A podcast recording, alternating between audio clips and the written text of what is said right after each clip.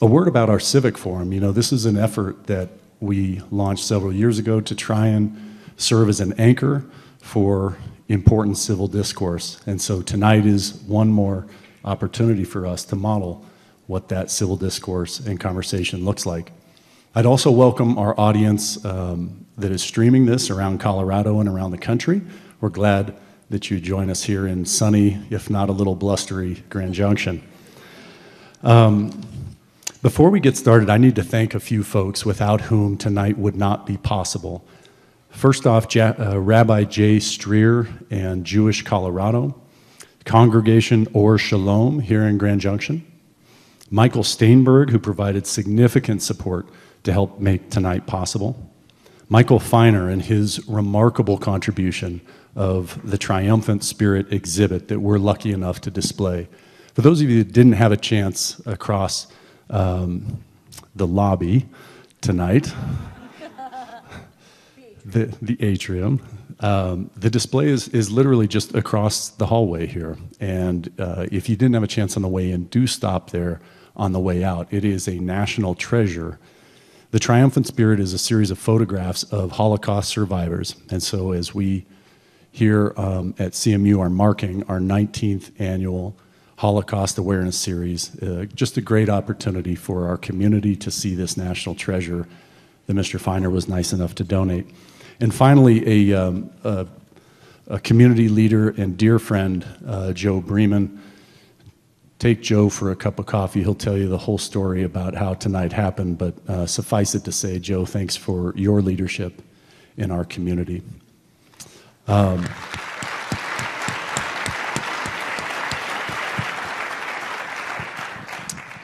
So one might ask why a, rural university like CMU would be hosting um, a Holocaust awareness series and a conversation with Bari Weiss, and it's a fair question.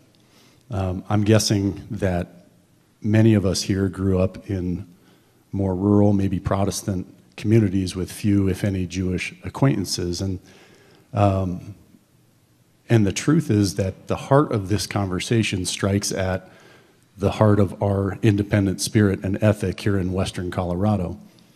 Um, an independent spirit that values good neighbors, values community, uh, and fundamentally has a greater hope for our kids. And so my hope is tonight that we have an opportunity to reflect on our health as a community. Periodically, have to check in on those sort of things, right? It's like after the holidays, we've eaten too much, probably drank too much, haven't exercised nearly enough.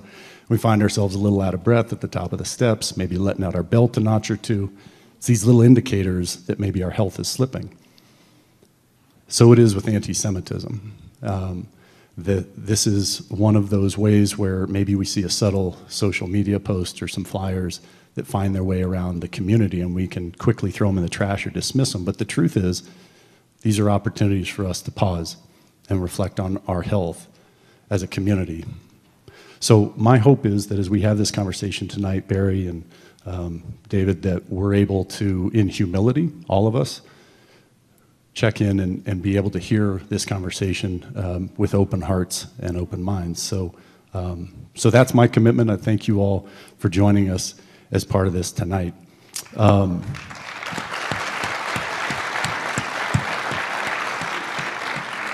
so, David Foster is uh, a great friend and longtime Colorado guy and community leader. He also happens to be one of my bosses as a trustee here at CMU. Um, David, thank you for co hosting tonight, and uh, I'm going to kick it to you to introduce our friend Bari. Well, thanks. Uh, and this is really such an extraordinary uh, opportunity. Uh, and to, first of all, um, have leadership like John Marshall, and I know you've had a chance to spend uh, the day, day and a half with John. He is we're really lucky to have him as our president. So we're really lucky to have John Marshall as our president. Absolutely. And uh, being a Jewish guy uh, from Denver, um, uh, it's, it's different for me being in Grand Junction, uh, and I'm out here on a regular basis. Uh, knowing who you are, and of course, we've just recently met, but I feel like I've kind of known you uh, a lot of my life. This is really an extraordinary opportunity for me, and I'm super excited to, to be here to have this conversation with you.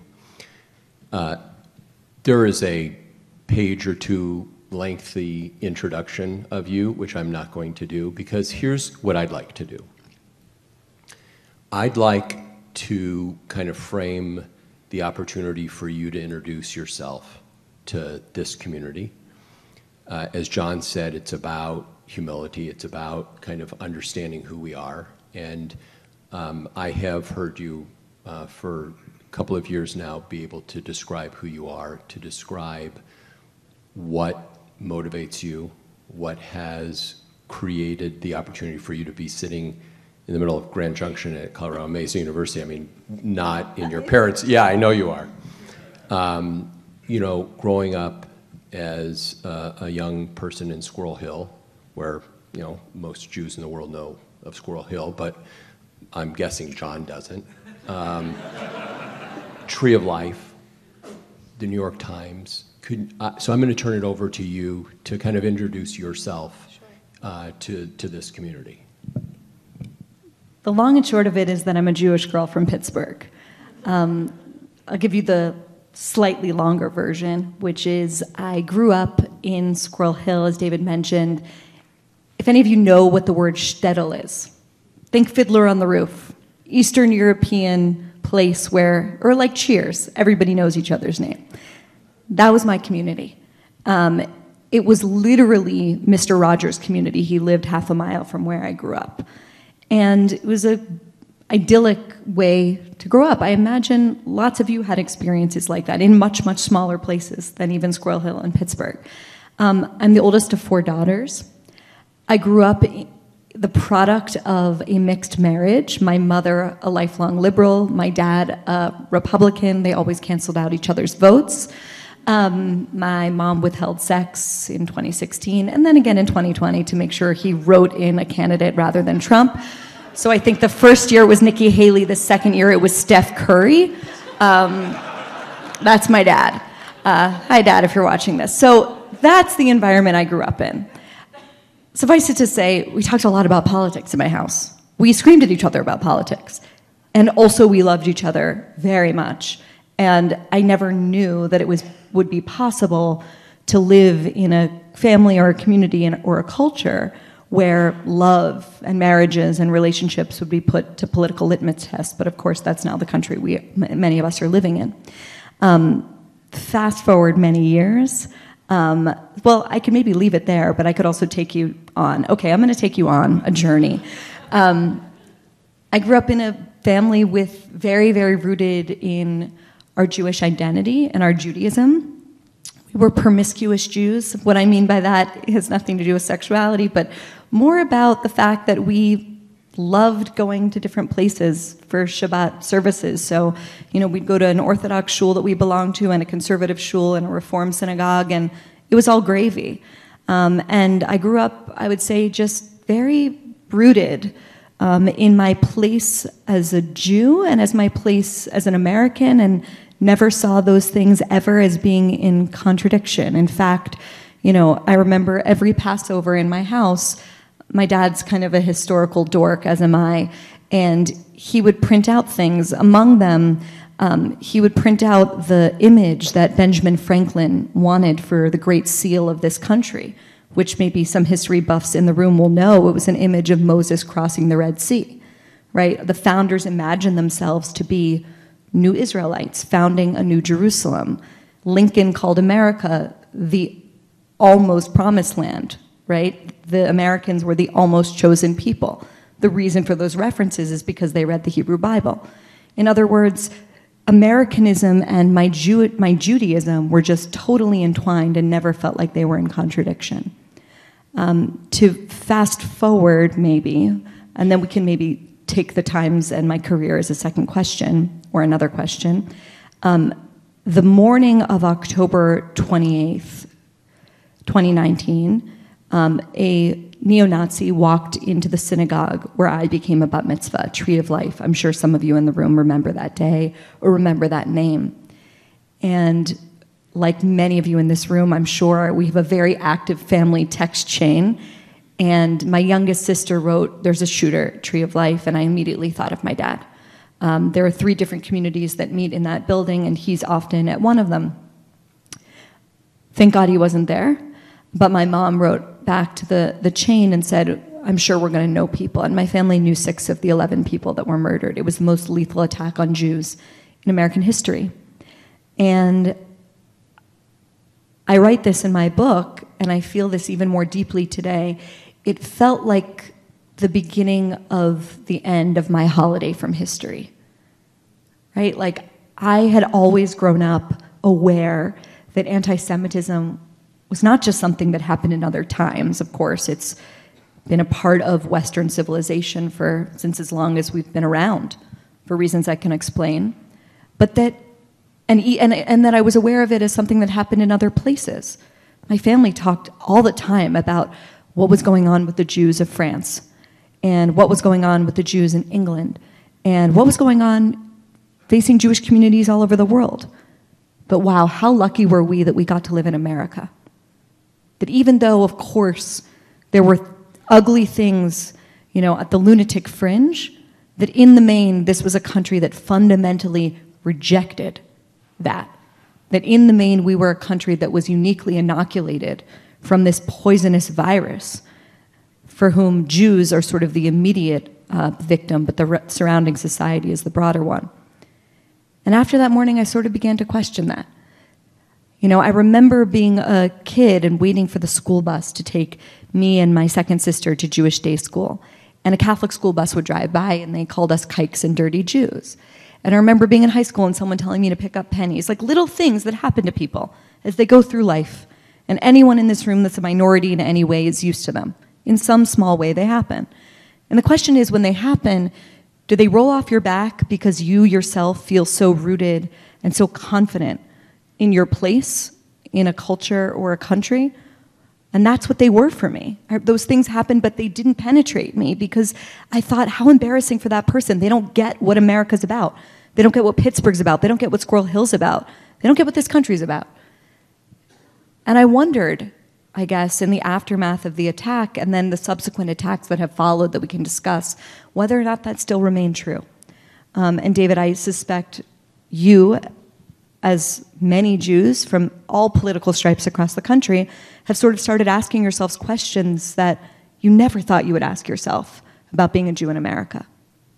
No, w- without a doubt, without a doubt. And you know, as as we we had talked earlier, I, you know, remember taking my son to Sunday school uh, the Sunday after the. It was a week later because um, Sunday school was delayed after that Shabbos, and just sitting in the parking lot bawling uh, at the thought of having to send my son into, you know, into the synagogue I grew up in, uh, and wondering if he'd be safe, and seeing all of the police circling, you know, um, and you know that was somehow supposed to give me comfort that all of the police were there, and it gave me even less comfort. Yeah, it's it. We live in a very, very different world.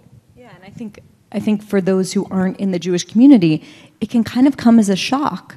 You know, I brought non-Jewish friends to synagogue or to places where I, Jewish communities where I speak. They all have armed guards or at least metal detectors. And this is true whether you're in New York or Texas or Florida, it doesn't matter. That's the reality now of being in a Jewish space in America. And the question is, how did that become normal? Why did that become normal? And what can we do to reverse it? Bari, I, I, I want to reflect on maybe a section in your book where you talk about anti Semitism as this latent virus, right? That you don't notice when you feel good, when things are going well, um, but that starts to rear its head when things go sideways. And I, I wonder if you might follow that up a little bit and, and think about um, what are those precursors that allow the normalization of that kind of behavior? Yeah. I think where it starts, I think there's a, there's a few things. The first thing I want to do is maybe define it for people um, because I think it's important to understand what makes it different. Because I think there's a tendency, and I think it comes from a very good place of wanting to understand anti Semitism as just racism against Jews. And oftentimes it presents itself that way, like the story I just told you about being called a kike, or, you know, quotas that used to exist in the Ivy League against Jews, which now exist against Asians. Uh, but that's a conversation for another time. Um, or, for example, you know, not selling to Jews in certain neighborhoods. These are things that were normal in this country until basically half a century ago. That is racism against Jews, right?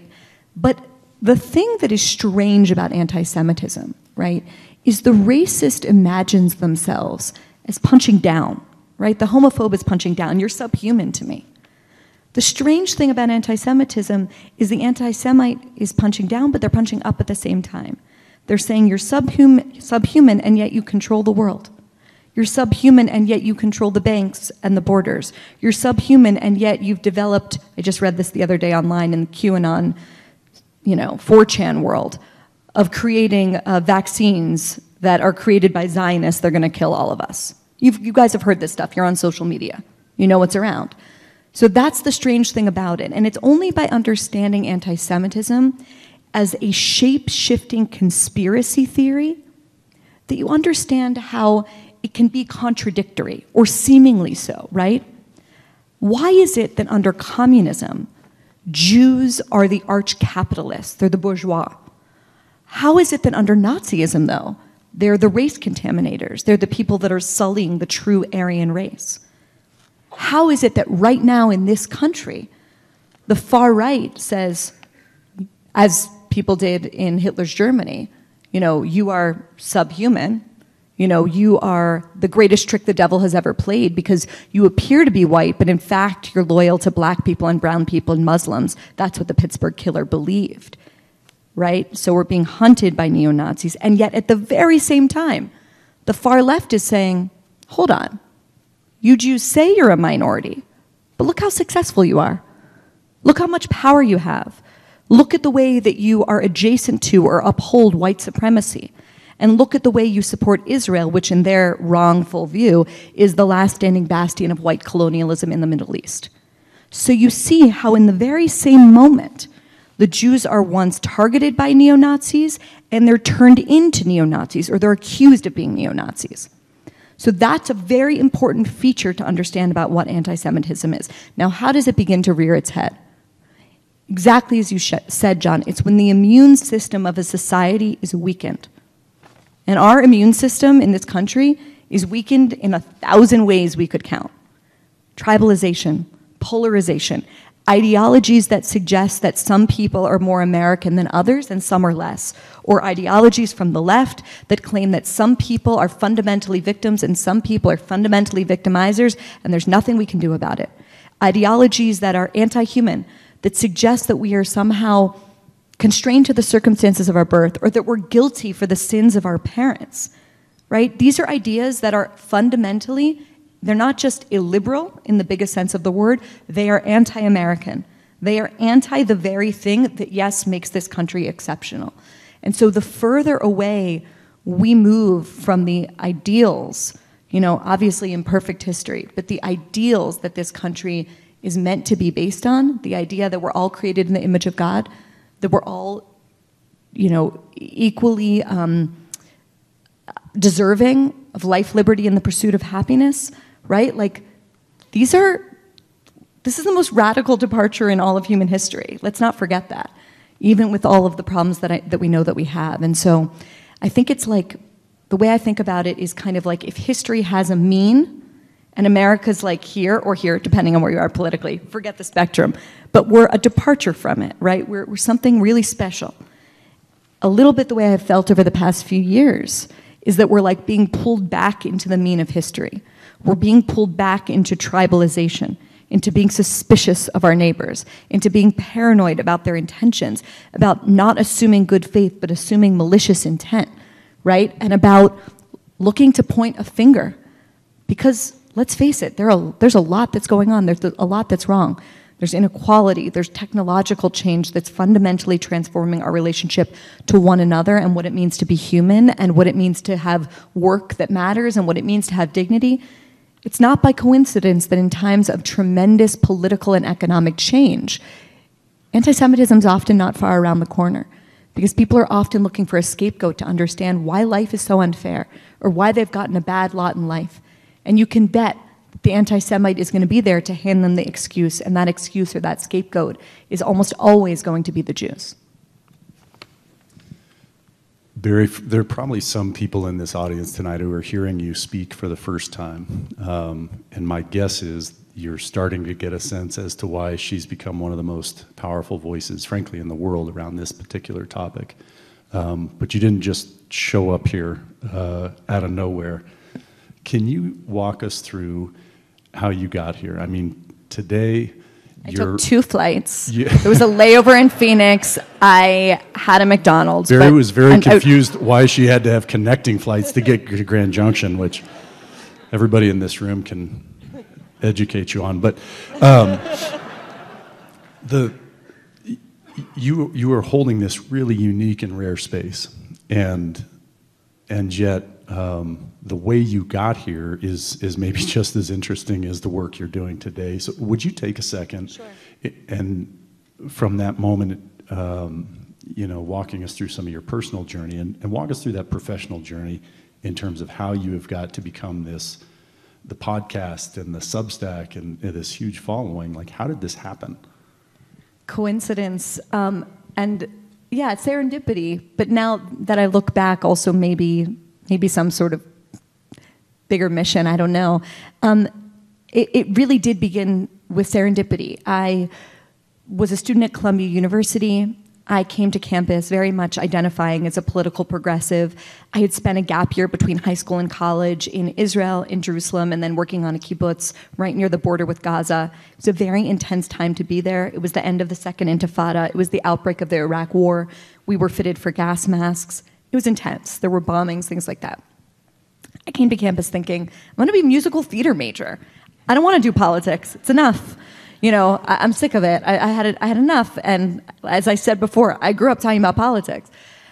But then I noticed, you know, a thing that now all of us recognize throughout the culture, which goes by many names, you know, critical social justice, wokeness, illiberalism, call it whatever you want. I started to encounter that. And I started to encounter basically people telling me that it wasn't possible for me to be a good person and to be a good progressive and to believe that the state of Israel had a right to exist and defend itself. And that sort of sent me on a journey of wait, what is going on here? How is it that I'm in conversations with feminists that are justifying wearing burqas?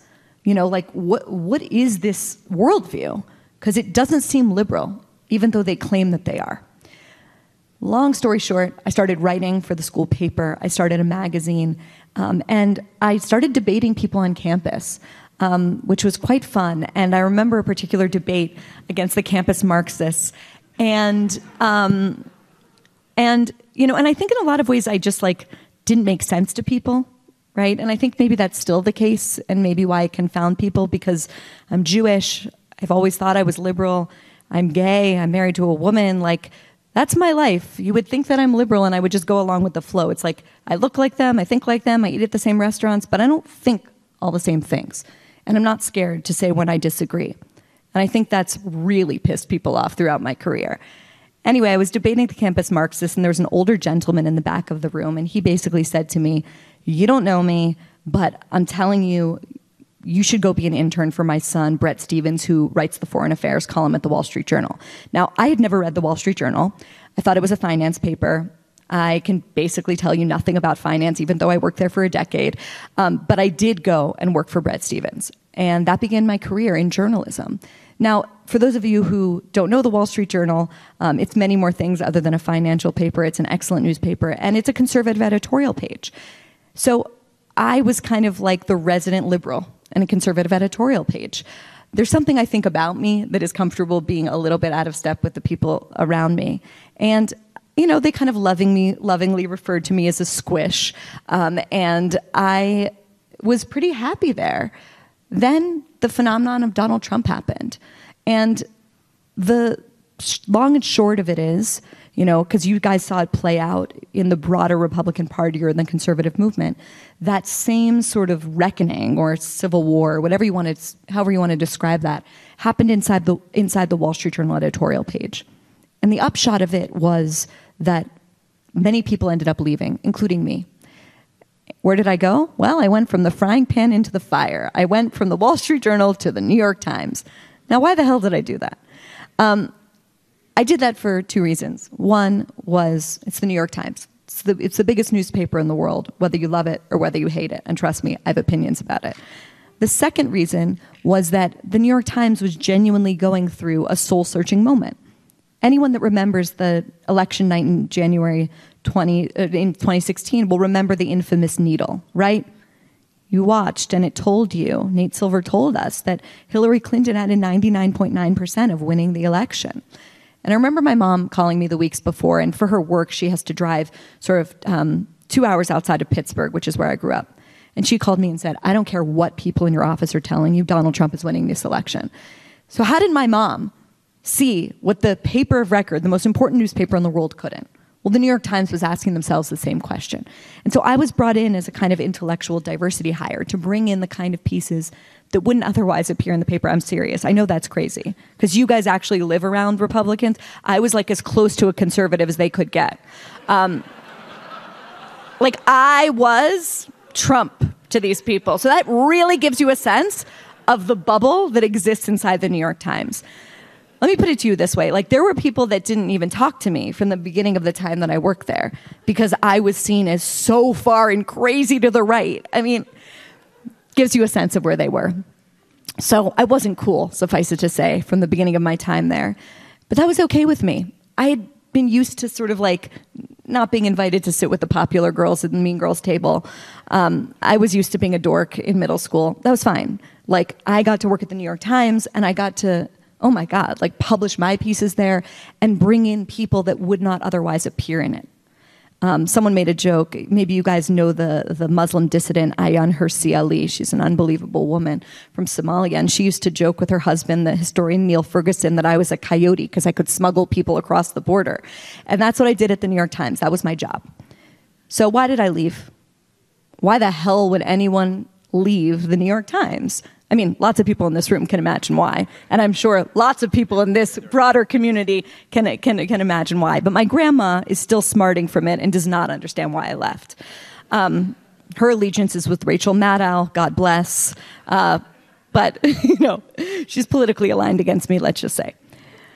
I left because um, the very reason that I became a journalist, which was the ability to pursue my curiosity, the ability to write about things, even when they were politically inconvenient to the powers that be, the ability to go to dark corners and uncover things that powerful interests didn't want to be exposed, the ability to say things um, that might not be pleasing to a mob online. All of those things became impossible. And they became impossible for the reasons I'm sure everyone in this room knows because you watch it play out on the internet or maybe in your own community um, in the very hot, very um, morally panicked summer of 2020, the New York Times decided to run an op ed by Republican Senator Tom Cotton. And the op ed was called Send in the Troops, and it was a very controversial headline, but he basically called for the National Guard to be brought in to put down violent riots, not peaceful protests, violent riots. Again, like I said, it was a controversial piece. I had nothing to do with it, but I thought to myself, yeah, it makes sense that we would run a piece like this. Very influential Republican, definitely has aspirations to be president one day. This is an important subject, and yeah, it's not just peaceful protests. There's rioting going on. Everyone can see it with their eyes. Well, within 72 hours of this op ed being printed, my boss, who had been the Jerusalem bureau chief and was in line to be the executive editor at the paper, was pushed out of the paper. His deputy was demoted. The 25 year old editor, who's a star who had worked on the piece, was hung out to dry and ultimately left the paper. And 800 of my colleagues signed a letter saying this op ed literally put their lives in danger. Hmm. I thought to myself, wait, so I'm working at a place where the coin of the realm is language, and yet people are saying that language is violence and words are violence. But actual violence, actual rioting, is not violence. That's something else. And if you want, by the way, the full blossom of that ideology, just look at what happened with Will Smith and Chris Rock, in which we were told to believe that you know somehow it was justified because words are violence and jokes about alopecia are vi- what are we talking what weird world have i stumbled into that's what i thought to myself honestly they signed this letter and i thought where am i working this is not something that journalists would ever say or at least how i imagine journalists now in a normal sane world the publisher of any newspaper that's employing people that say words hurt me words cause violence against me, words literally put my life in danger, would say, It's been very nice working with you, here is the door. Instead, what happened is the story that we're seeing inside so many institutions, which is the kind of hijacking of historically liberal institutions by a very illiberal group um, that fundamentally doesn't believe in the mission. Anyway, I watched all of this played out and I thought to myself, I have, t- I have a choice to make. I can stay and in where I lived on the Upper West Side of Manhattan, Seinfeld territory, um, telling people you worked at the New York Times really meant something. Got you a good table at a good restaurant, among other things. Um, and it meant a lot to me because I felt like, wow, like I made it. Or I could leave and I could give up the prestige, give up the platform, have no plan for what I'm doing next, but leave with my integrity and leave knowing that I'm kind of you know, not compromising myself, not self censoring myself, not doing the very things that would betray why I began this profession in the first place. So I left with a resignation letter, sort of heard around the world. Uh, it was my Jerry Maguire moment. Uh, and now I'm here and I'm sitting here with you guys, and I feel the freest that I've ever felt in my life. And I'm building a media company that hopefully will kind of pick up the flag that places like the New York Times have put down by pursuing the truth uh, without fear of favor um, and, and actually fulfilling the motto of all the news that's fit to print, not all the news that suits the narrative.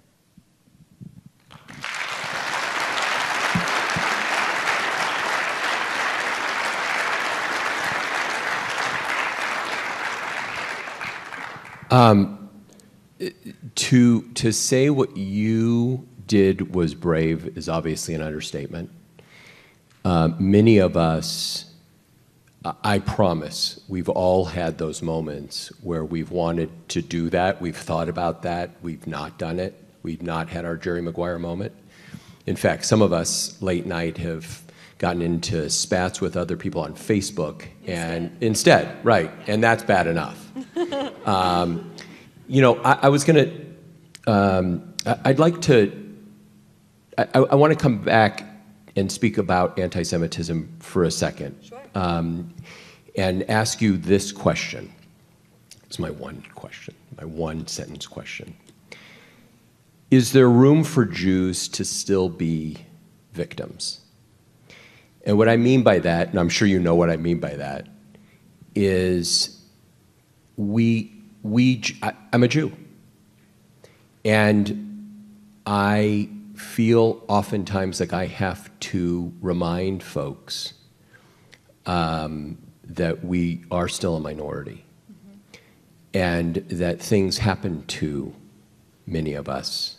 Um, and some of it gets covered and some of it doesn't get covered. And I know that you've gone to great lengths to speak about, you know, some of the, you know, Hasidic uh, communities that aren't quite looking like you and me uh, don't have um, some of the same um, newspaper coverage when bad things happen to their communities. So maybe you can yeah. speak to that question. Yeah, I, and I can connect it to my own experience really at the Times. The moment that I knew I was going to have to leave was actually not the Tom Cotton moment. It was when I had written a column maybe six months prior, it might have even been nine months and it was about a spate of anti Semitic attacks uh, that had taken place in the New York area. And they were very violent attacks. They were things like someone getting their face beaten in with a paving stone in broad daylight in Brooklyn, or a man with a machete walking into a Hanukkah gathering an hour and a half north of Times Square um, and killing people with the machete. And it was people walking into a kosher supermarket in Jersey City and murdering everyone in the grocery store. So I'm not talking about little microaggressions. And I wrote this column, and I remember going into my editor's office, and it was a damn good column. And they basically said, We're not running it. And the reason is simple the Jews in those cases were inconvenient victims. And the reason they were inconvenient was that they weren't assaulted or murdered by white supremacists, right? When the person carrying out the attack or when anti Semitism, at least in liberal quarters, that's what I'm speaking to right now, comes from the far right, it's morally clear, at least in a place like the New York Times. It's very different in other contexts. But what happens when the person carrying out the attack is a person of color? What happens if the person carrying out the attack is themselves coming from another minority that can be victimized? Well, that's more complicated, right? And if you've already submitted yourself to an ideology that's Manichaean, right, that's binary, that says that you're either, you know, morally pure or not, depending on the color of your skin or your gender or your sexual orientation, and the more sort of status you have as a victim, the more morally pure you are, or the more claim to truth you have. You've already given up the game. So, David, the answer is, is that if you believe in an ideology like that, there is no room for Jews to be victims. But if you believe in an ideology, a worldview that views people as individuals with individual dignity, that judges people based on their character, there absolutely is.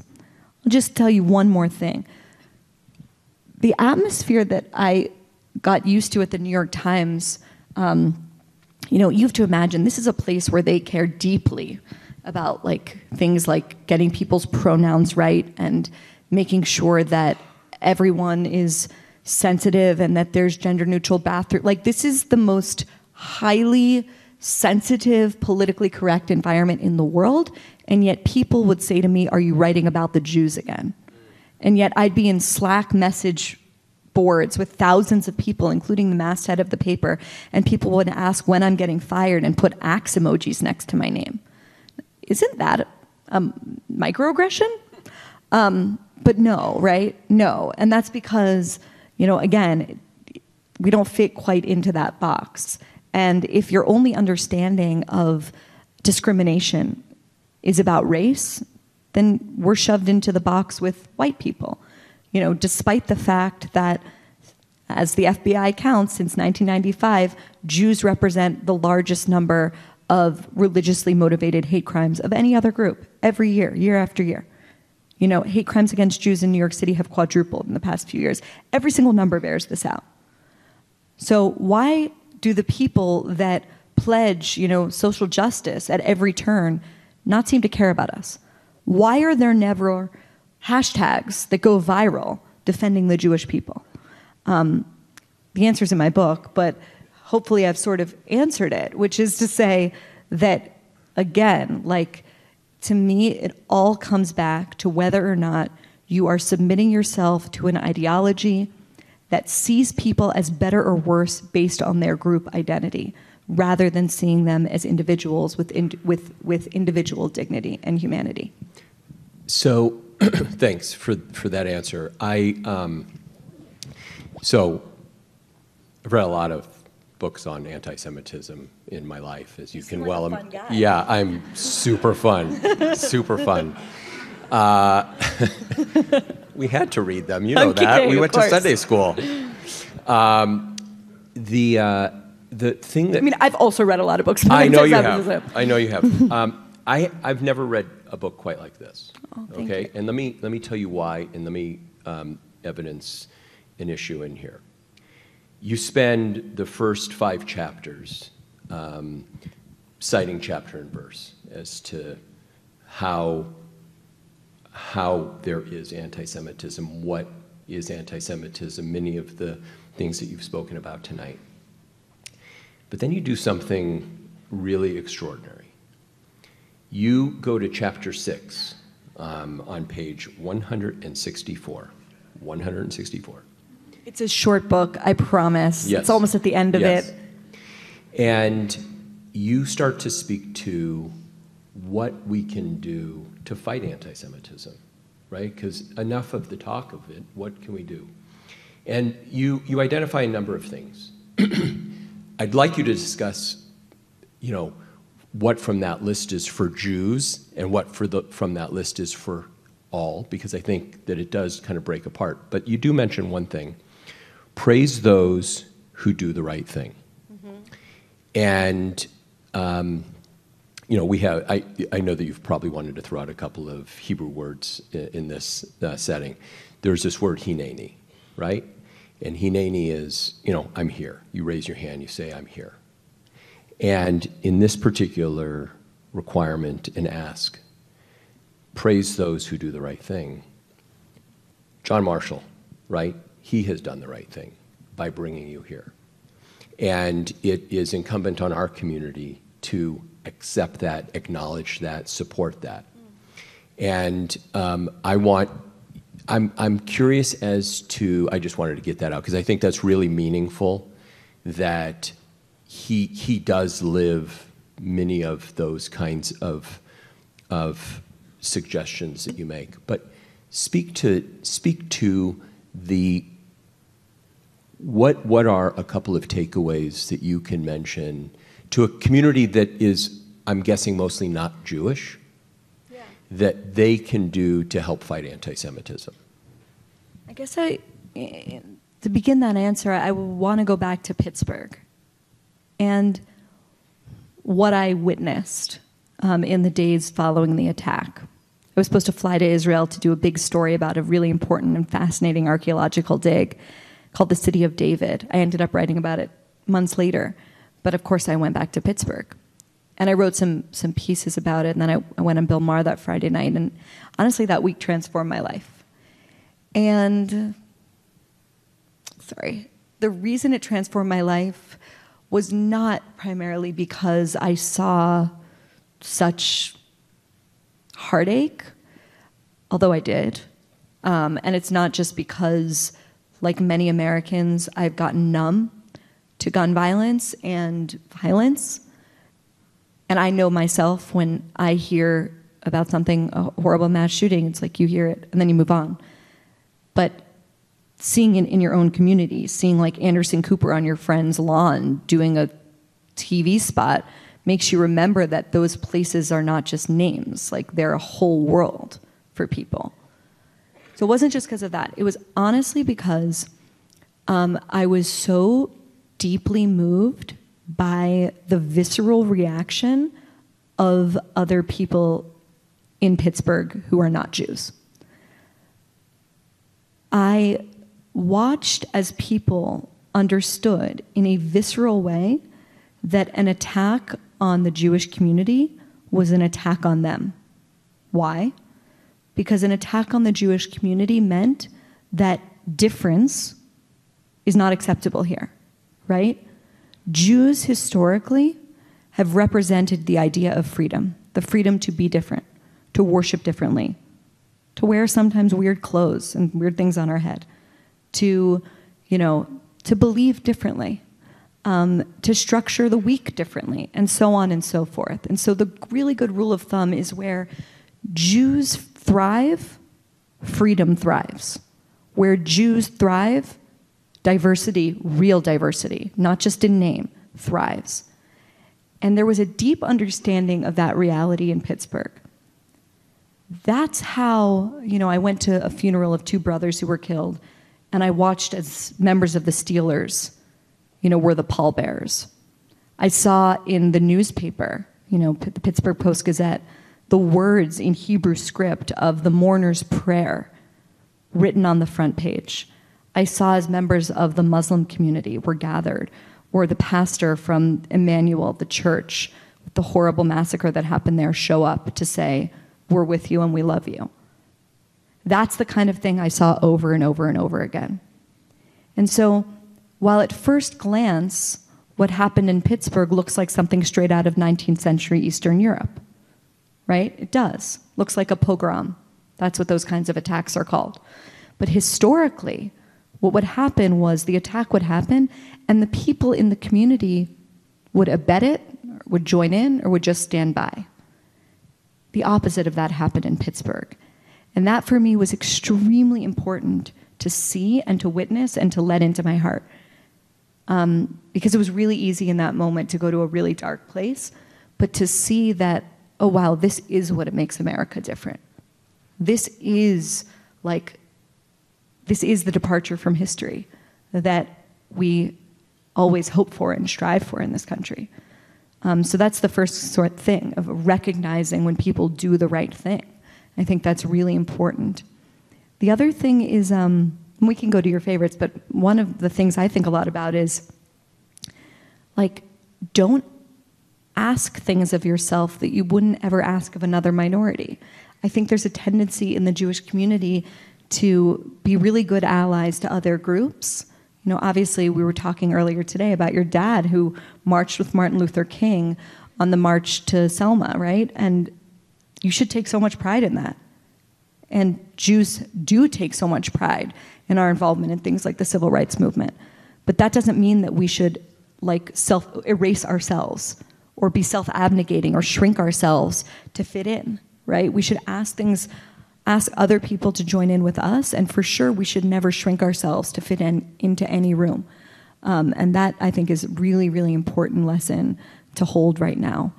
Um, I don't know. There's so many things that I think about, uh, but for me, for me, a big one is also what I was saying earlier in the conversation, which is really um, an understanding that like the that the moral guardrails that keep bigotry down have been dismantled and we think, need to think really hard about how to rebuild those in our lives um, and that's something that i'm thinking about a tremendous amount because i think one thing that people who okay anti-semitism bad for the jews right that's how a lot of jews think about it but you have to think for a moment beyond that, right? Think about societies in history where anti Semitism has flourished. Those are societies that are dead. They're not here anymore, right? And that's why I think it's so important whether you're a Jew, whether you're not a Jew, whether I'm the first Jew you've met, hello, or David, that understand that a society where conspiracy thinking, that's what this is, right? A, a, society where people believe that there's secret cabals of politicians that eat babies, and that's become a normal thing that people believe, that is not a good sign about where this country is heading. You know, a society that sort of has untethered itself from truth. Not good. We got to figure out how to get back to truth, how to get back to having conversations with each other, how to get back to sort of um, looking at each other with full humanity. Um, and that to me is, is one of the most important things we can do right now.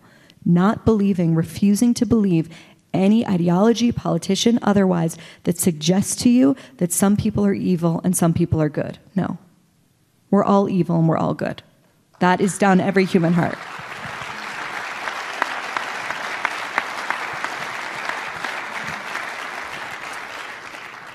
Bari, we're on a college campus, and you have written and talked and had hosts and, and a variety of others where you have, I think, critiqued in very direct and sharp ways um, what I think you've described as the devolution of of universities and they're losing the, the breakdown of institutions. And so we've got a variety of faculty, students, um, those of us that are here on this campus, participate in this campus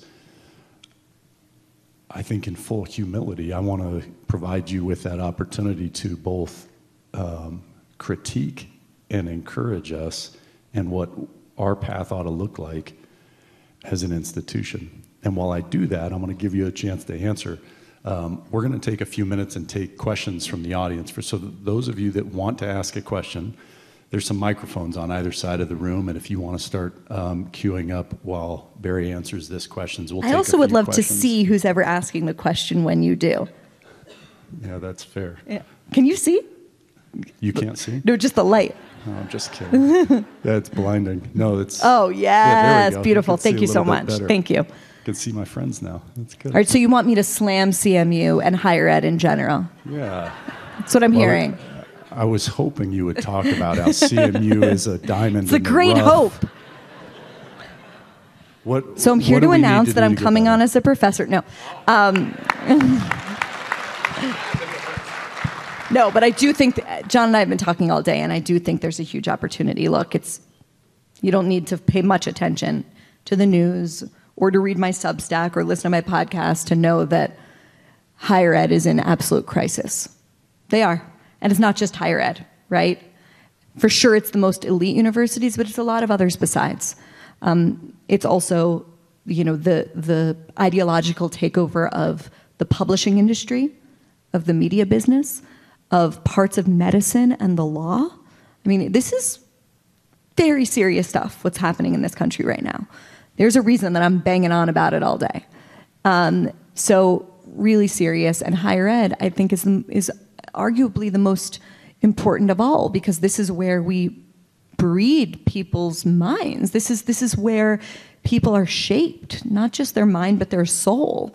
And if you're going during the most formative years of your intellectual and moral development into an atmosphere of ideological homogeneity where dissent is punished, where, as one Harvard student said to me the other day, I feel like I'm in the Soviet Union. I had to write him at his personal email because he was too nervous that Harvard was spying on his other one, and that didn't seem that paranoid to me, honestly. So that's where a lot of these schools that claim to be the best liberal arts educations in the country are right now. They're illiberal. They have betrayed their mission, which is the pursuit of truth. And guess what? You can't pursue the truth if everyone already comes in believing the same thing. You can't pursue the truth, right?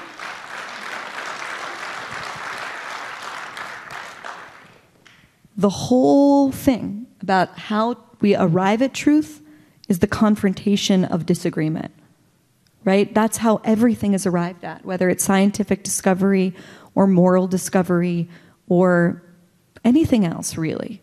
It's about friction. You, you need that.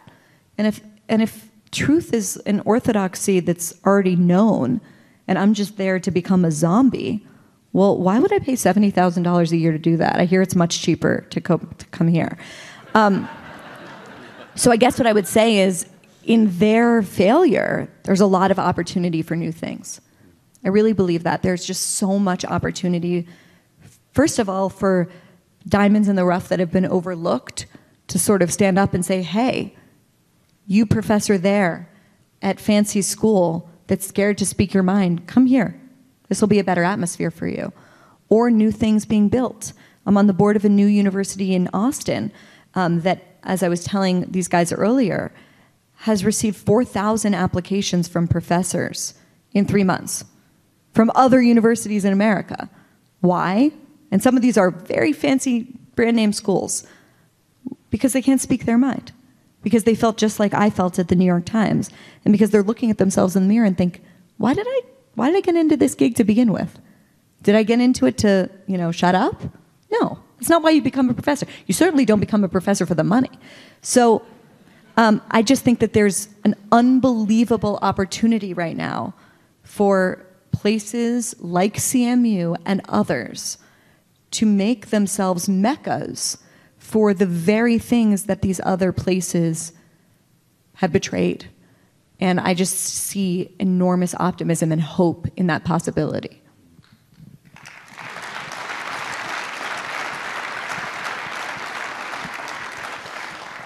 Appreciate that encouragement. Um, the optimism part, anyway. Um, if there are questions, there's microphones on either side. We're happy to take a couple. We don't have time for many, but um, I I would also say to try and keep your questions concise, and um, and I think we have time for two Can- or three. can I mean, I- even as we were talking, just one thing, like even we were talking about before.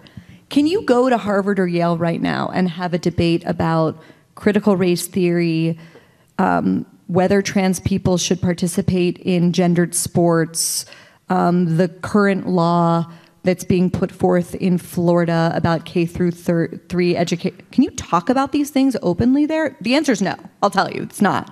So imagine if you had debates like that here, like no one else is doing. I guess my thing is none of those people are doing it anymore. And doing those things is just like about the most generative and wonderful thing in the world. Like that, to, like I love being in the intellectual arena. I love debating.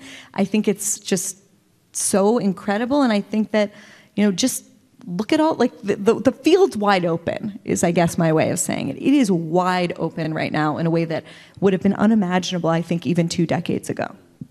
Maybe we could talk Bret Stephens' dad into coming. Yes we, well, well he passed but we could have Bret come. Okay. We have a question over here looks like. Hi. Hi Bari. Hi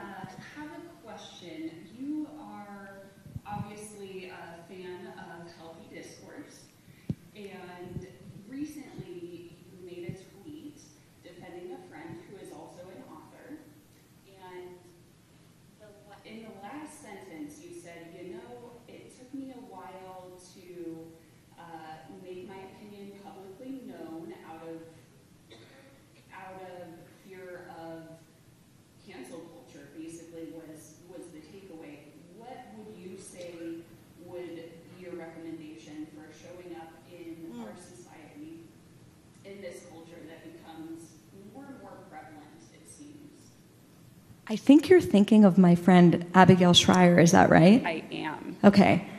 So amazing to think back to that. She's since become one, her and her husband, two of our closest friends in Los Angeles.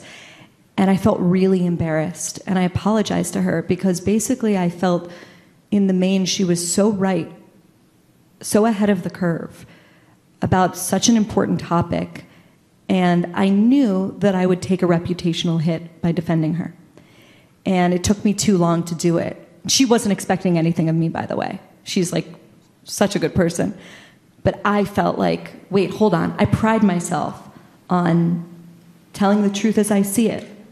Why didn't I do it in that case? Why did it take me so long? Now, subsequently, she's published a lot in my Substack. She's been on my podcast. Like, I'm such a huge believer and supporter of hers.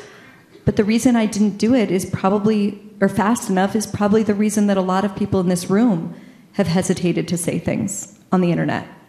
It's because there's like no winning in a lot of these platforms. There's really not. And you know that you'll take the reputational hit, or you know that if you say thing to one side, you'll just get screaming from the other. And it's really like a it's really a, a hard room, right? It's just like really a hard place to be because there's very little benefit that comes from it. I think what I'm trying to do in my own life, um, and I'm constantly having to push myself to do the courageous or the right thing, really, it's not even courageous, it's just right, um, is just to model it for other people, right? Is to, and Abigail does this amazingly in her own life and work. Um, so do other people. You know, J.K. Rowling comes to mind as one, but there's lots of people that are doing it. And in the hope that by showing people that you are bigger than the noise of trolls online, and in fact, they can't touch you, that hopefully you give inspiration and hope and courage to younger people that are confronting this in their own way, in their own life. Um, I wish I could stand up here and tell you that I have a solution to the economic model of big tech, which is to make all of us hate each other more and to make us fall into rage spirals and think that other people are our enemy, but I don't, um, other than making them public utilities. Uh, I don't have a solution to that right now. Um, what I know is that just trying to model behavior in my own life that is courageous and brave and, and correct, and and this is a rule inside my company also that I recommend to all of you. Act online the way you act in real life. Always um, for some reason, people think that when they get behind an avatar, like pe- we're not going to know it's you. Like we know it's you, um, and I think it's that's that's just tremendously important. And then the other thing I would say is just the, the extent possible, get offline. Um, you know, and, and I don't often share this, but I will say like early on when I was at the Times and I was just starting to use Twitter and get you know, no one wants to be, as they call it on Twitter, the main character of the day. That means you said something stupid or that Twitter perceives to be stupid. I was the main character on many a day.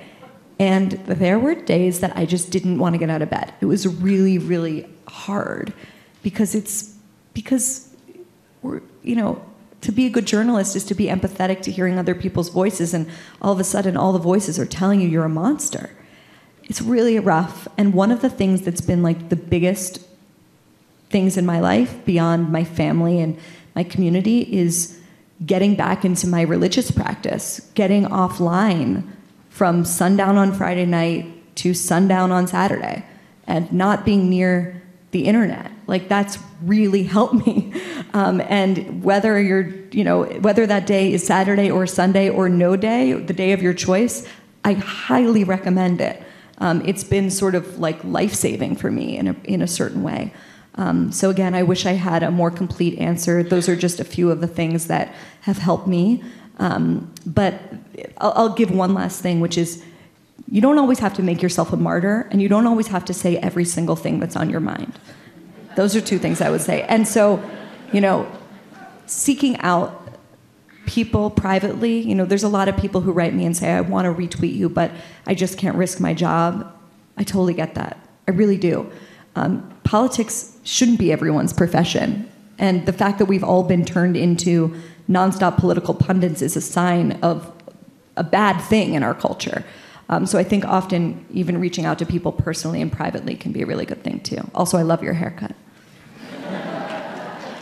Well, thank you We'll for go being over here here. next. So I think we've all heard some comments from the United States president that he's had to backpedal, and maybe that's not really what he meant.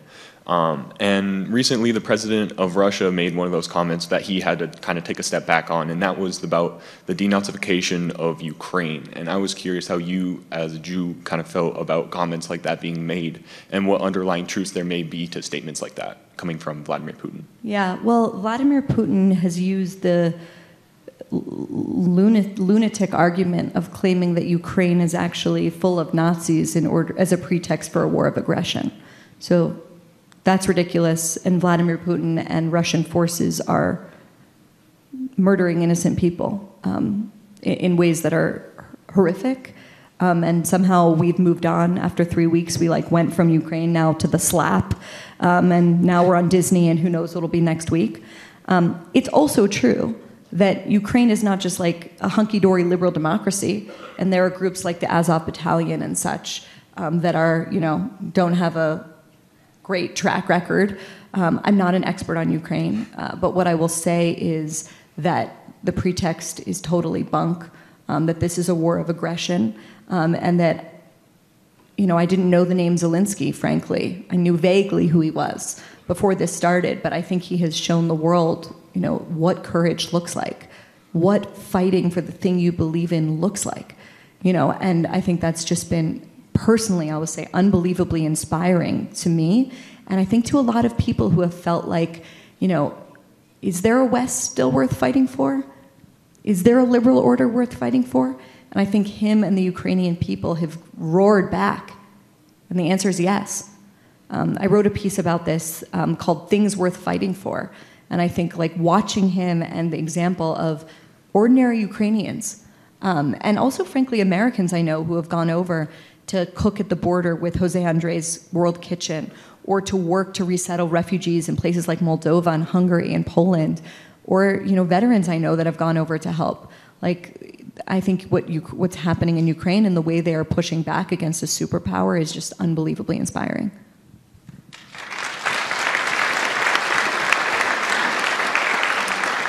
We've got time for about one more question. You, so, you know what? We could take all of them. I'll answer. I'll, I'll do like a popcorn because I feel bad because people are waiting. Do you want to pop? Can you guys ask quick questions? If you ask them real quick, I'll answer them all at once. Give me a thumbs up. Um, no.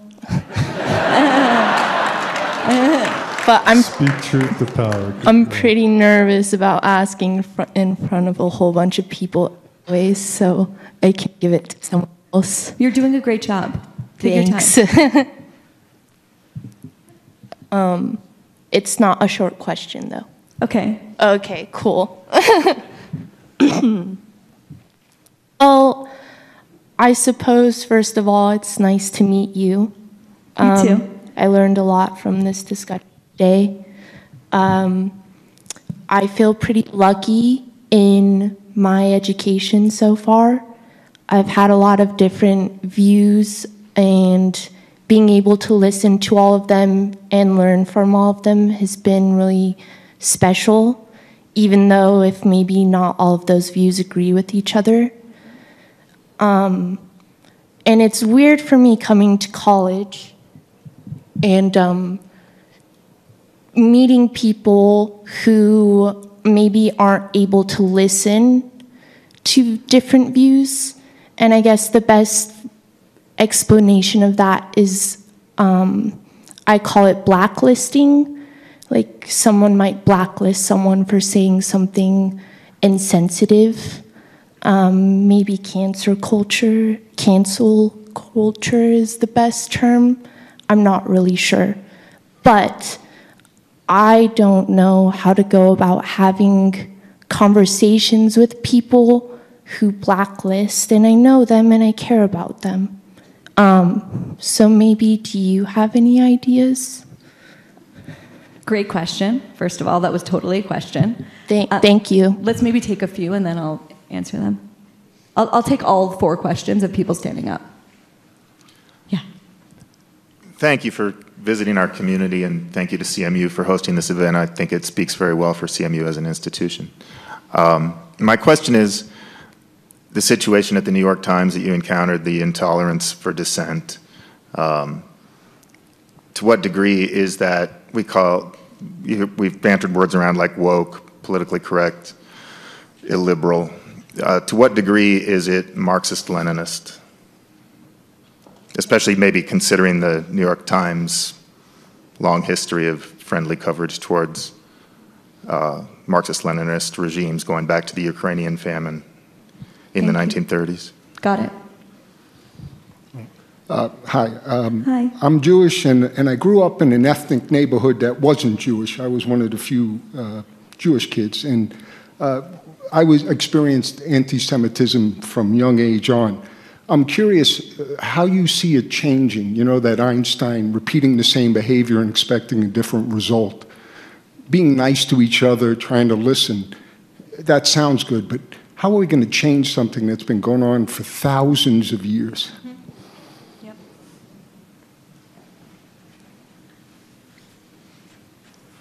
I'm going to answer all these in 30 seconds. You're not going to believe it. There you go. As, as well you should.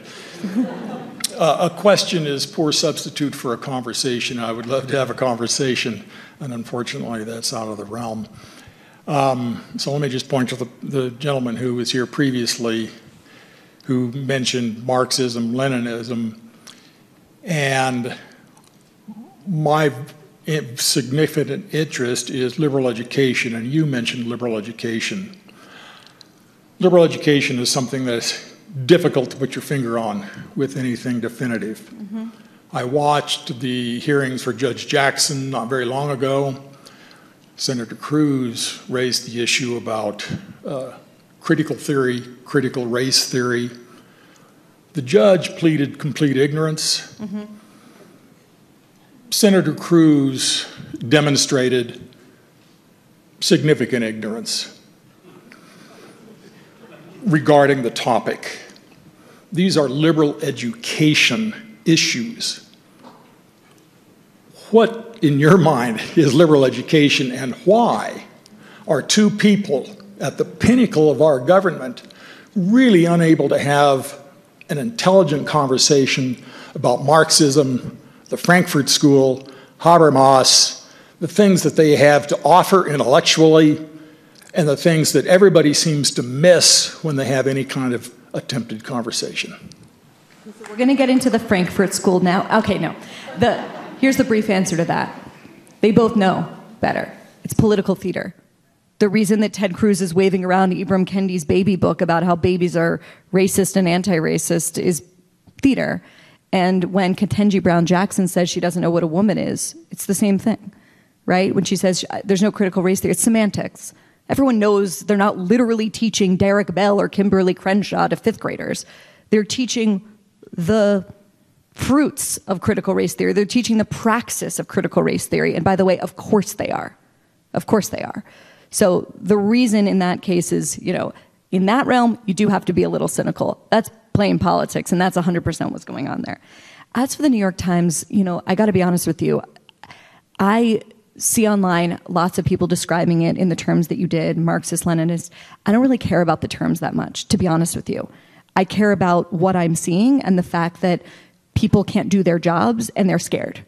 Um, and I don't care if we call that Marxist, Leninist, illiberal, you know, successor ideology. Some Wesley Yang has called the new illiberal ideology woke, critical social justice. All I know is that it is turning people against each other. It's making people hate each other, and it's causing people all over this country to call me crying, saying, "I'm in the closet." What? How'd that happen?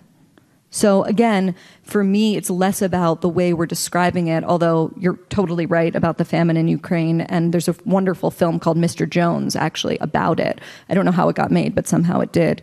Um, it's worth looking up. Um, so again, it's not particularly the New York Times. It's everywhere. Uh, it's everywhere in blue America, which is where I live and where all my friends live.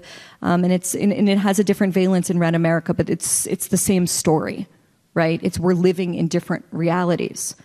We're living in different realities where we think people that disagree with us are wrong and bad, and that is the thing that I'm focused on more than anything else. Um, but you're right about the history of the New York Times, for sure. Um, and there's a very good book by a writer called Ashley um, Rindsberg that came out recently that I would also recommend about the New York Times and its ideology. Um, as for the question that was here, what do we do to stop it? We're repeating history again um, we're, we're never going to get rid of anti Semitism. Sorry, it's never happening. What we can do um, is rebuild the healthy immune system that keeps anti Semitism at bay. And that is really my focus, um, and I think should be the focus of everyone that cares about this country, really. Um, and, you know, it goes back to what I was saying just now. Like, it, we can't expect that Jews or anyone is going to be safe in a country in which we don't have a shared understanding of truth or we don't have a shared understanding that we're all created in the image of God. That's fundamental. So that to me, you know, is where I think the focus of everyone who cares about this country, no matter who you vote for, needs to be. Um, as for the question of blacklisting and cancel culture, it's a really hard thing, especially for people that grew up on the internet. It used to be that college students would tell me about how they're self censoring, then it was high school students, now it's middle school students. Actually, actually, they tell me, I want to get into the good high school, so I'm just going to tweet hashtag whatever. I just want to be accepted by my friends, so I'm just not going to say what I feel about X, Y, and Z issue. I'm, not, I'm just going to go along with it because I don't. This was an actual story the other day because I don't want to get kicked out of Harry Potter book club. Okay, it's on every level of society, and I don't really think there's any way around it other than courage. I just don't. I wish there was. I wish I could tell everyone in this room that there's some secret sauce or algorithm, you know, although getting offline is a really good thing.